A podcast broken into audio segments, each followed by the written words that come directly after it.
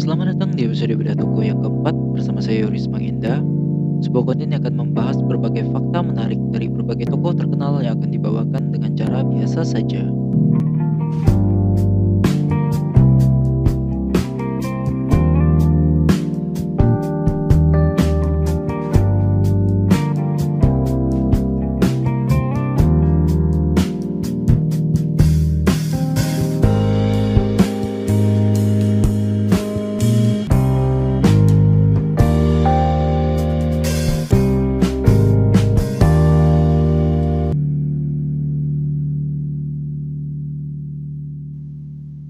Pada serial Bedah Tokoh yang keempat ini, saya akan coba membahas secara sekaligus dua tokoh yang penemuannya ini benar-benar merevolusi habit dan kehidupan manusia modern dalam rangka mencari dan mendapatkan data serta informasi.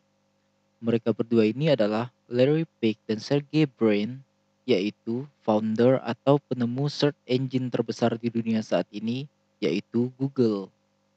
Walaupun Google saat ini benar-benar telah menjadi perusahaan raksasa dan sangat terkenal, serta ditakuti oleh banyak institusi dan kompetitor lain di luar sana, layaknya perusahaan maupun penemuan besar lainnya di dunia seperti Apple, Microsoft, Amazon, maupun Disney sekalipun, pada awal pengembangan dan berdirinya Google, sama seperti yang lain, Google juga dimulai dari hanya sebuah garasi kecil yang kemudian berhasil bertransformasi menjadi perusahaan raksasa seperti sekarang ini.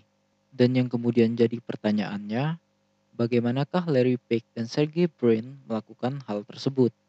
Siapakah mereka dan mengapa mereka dapat melakukannya? Dan inilah yang akan menjadi topik utama dalam pembahasan kita pada episode Beda Tokoh yang keempat ini. Sejarah kesuksesan Google yang kini telah berusia sekitar tiga dekade tentu tidak lepas dari sosok dua pendirinya, yaitu Larry Page dan Sergey Brin. Larry Page ini awalnya adalah seorang mahasiswa teknik komputer dari Stanford University yang tidak sengaja bertemu dengan Sergey Brin di universitas tersebut. Pada masa itu, Sergey Brin dapat dikatakan adalah seorang ilmuwan komputer dan wirausaha muda yang ditugaskan untuk menemani seorang calon mahasiswa pasca sarjana di Stanford University. Yang tak lain, orang tersebut adalah Larry Page. Larry Page atau yang bernama lengkap Lawrence Larry Page lahir di East Lansing, Michigan pada tanggal 26 Maret 1973. Ayahnya adalah seorang pelopor ilmu komputer dan kecerdasan buatan, sedangkan ibunya adalah pengajar di bidang pemrograman komputer. Ia memutuskan untuk fokus pada bidang teknik komputer di Stanford University setelah lulus dengan gelar Bachelor of Science dalam bidang teknik dari University of Michigan. Sedangkan Sergey Brin atau yang memiliki nama lengkap Sergey Mikhailovich Brin lahir pada tanggal 21 Agustus 1973 di Moskow, Rusia. Ia ini adalah anak dari ahli ekonomi matematika Soviet yang kemudian bermigrasi ke Amerika Serikat untuk menghindari persekusi terhadap kaum Yahudi di tahun 1979. Brain mengejar gelar doktor dalam bidang ilmu komputer di Stanford University setelah menerima gelar di bidang matematika dan ilmu komputer dari University of Maryland di College Park. Kisah inspiratif pendirian Google sebenarnya dimulai pada saat Larry Page dan Sergey Brin bekerja sama untuk menciptakan sebuah mesin yang dapat menyajikan hasil pencarian sesuai popularitas sebagai bagian dari proyek penelitian mereka di Stanford University. Proyek atau pengembangan ini mereka lakukan pada tahun 1996 ketika mereka berdua masih di Stanford University dan kala itu mesin pencarian yang mereka kembangkan tersebut bernama Backrub.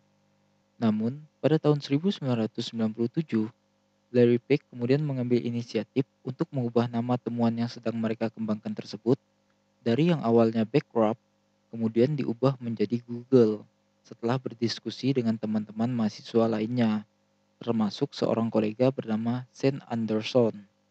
Nama Google yang dicetuskan tersebut muncul dari istilah matematika yaitu G-O-O-G-O-L yang berarti angka satu yang diikuti oleh 100 nol di belakangnya. Nama ini diambil untuk mencerminkan misi mereka yaitu membuat sebuah gudang informasi yang tak terbatas di internet.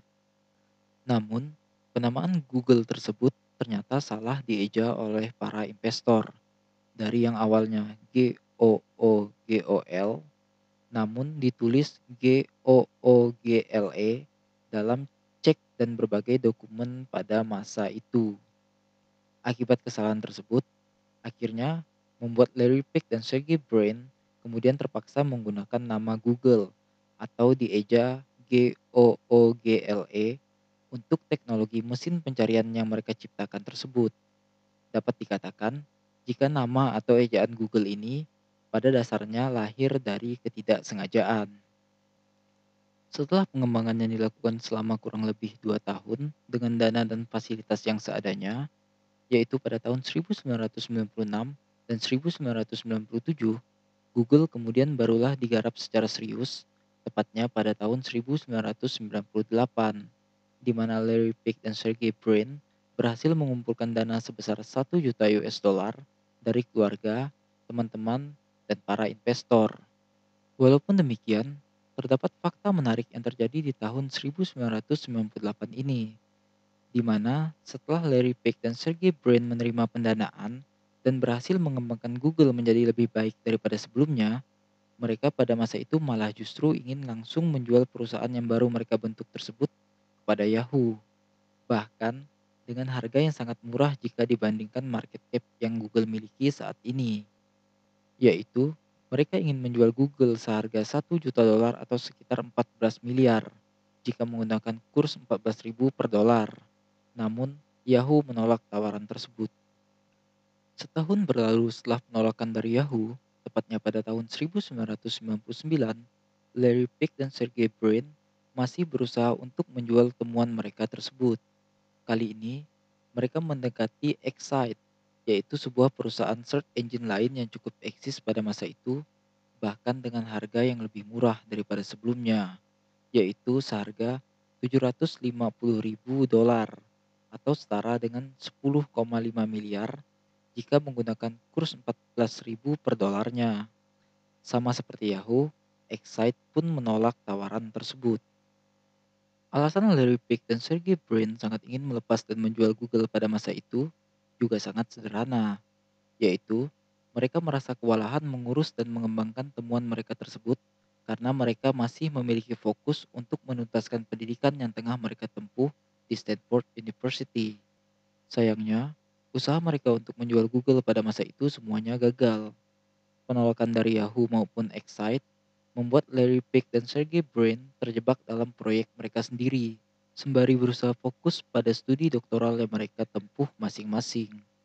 Namun, kondisi dan penolakan tersebutlah yang lantas membuat Google dapat seperti sekarang ini.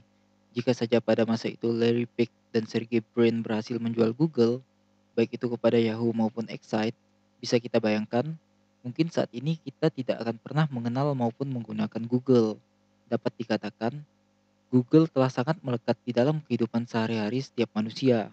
Bahkan, tidak bisa dipungkiri, banyak yang bergantung pada teknologi search engine temuan Larry Page dan Sergey Brin ini untuk mencari maupun mengolah berbagai data dan informasi. Gagalnya penjualan Google oleh Larry Page dan Sergey Brin malah justru menjadi titik awal perkembangan pesat Google. Bahkan, Yahoo yang sempat menolak tawaran untuk mengakuisisi Google pada tahun 1998 pada tahun 2002, melihat perkembangan dan kemajuan Google, mereka malah justru melirik dan menawar untuk mengakuisisi Google kembali dengan harga sebesar 3 miliar US dollar atau setara dengan 42 triliun.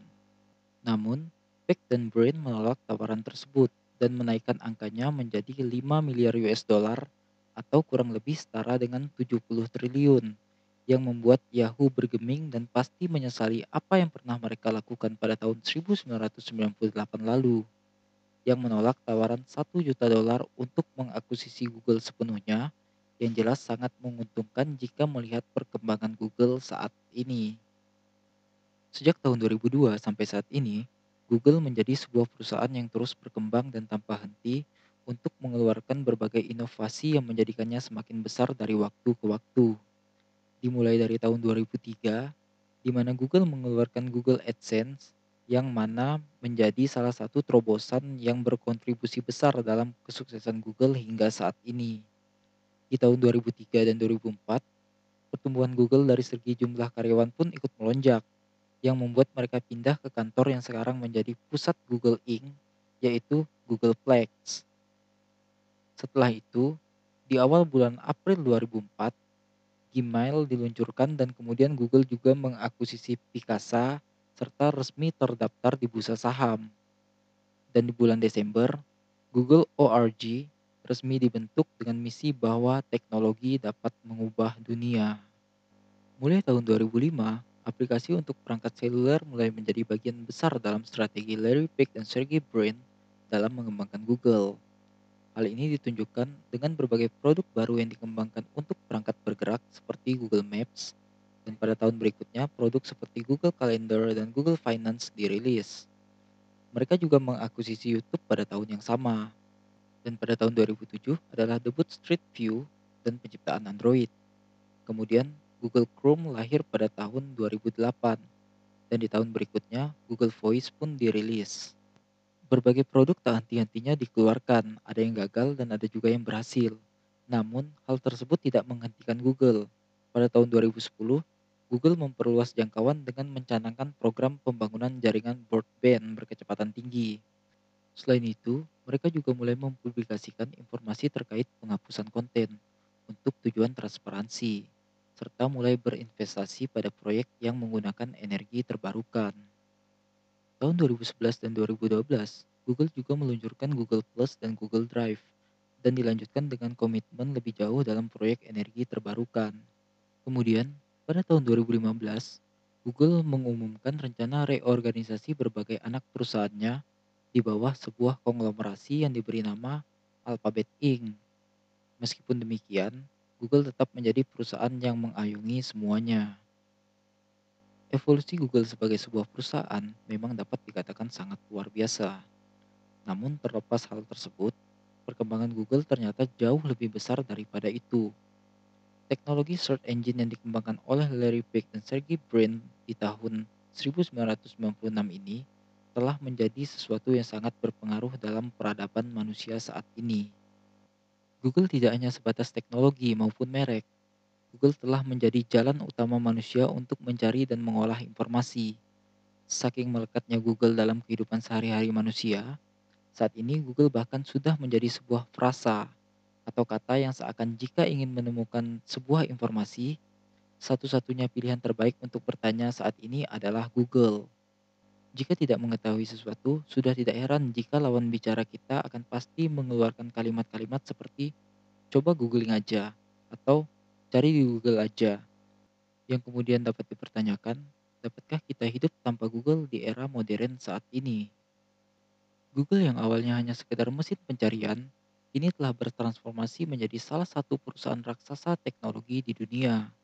Bahkan, melihat pengaruh Google dalam kehidupan manusia saat ini, Jeff Bezos hingga Elon Musk yang adalah founder dari Amazon dan SpaceX ini sampai mengakui jika satu-satunya perusahaan yang mereka takuti di dunia adalah perusahaan yang dirintis oleh Larry Page dan Sergey Brin pada tahun 1998 ini. Jeff Bezos bahkan mengandaikan Google seperti gunung, di mana kita dapat mendakinya hingga ke puncak, tapi kita tidak akan pernah bisa merobohkannya. Yang artinya, Google saat ini sudah tidak bisa dianggap sebagai kompetitor lagi. Search engine rintisan Larry Page dan Sergey Brin ini sudah bertransformasi menjadi hal yang lebih besar, yaitu sebuah produk yang telah menjadi kebutuhan primer manusia dalam rangka mencari dan mendapatkan informasi. Mungkin cukup sekian pembahasan kita dalam episode bedah toko yang keempat mengenai search engine teman Larry Page dan Sergey Brin ini. Jangan lupa nantikan dan saksikan terus episode bedah toko lainnya bersama saya Yoris Mangenda. Terima kasih dan semoga bermanfaat.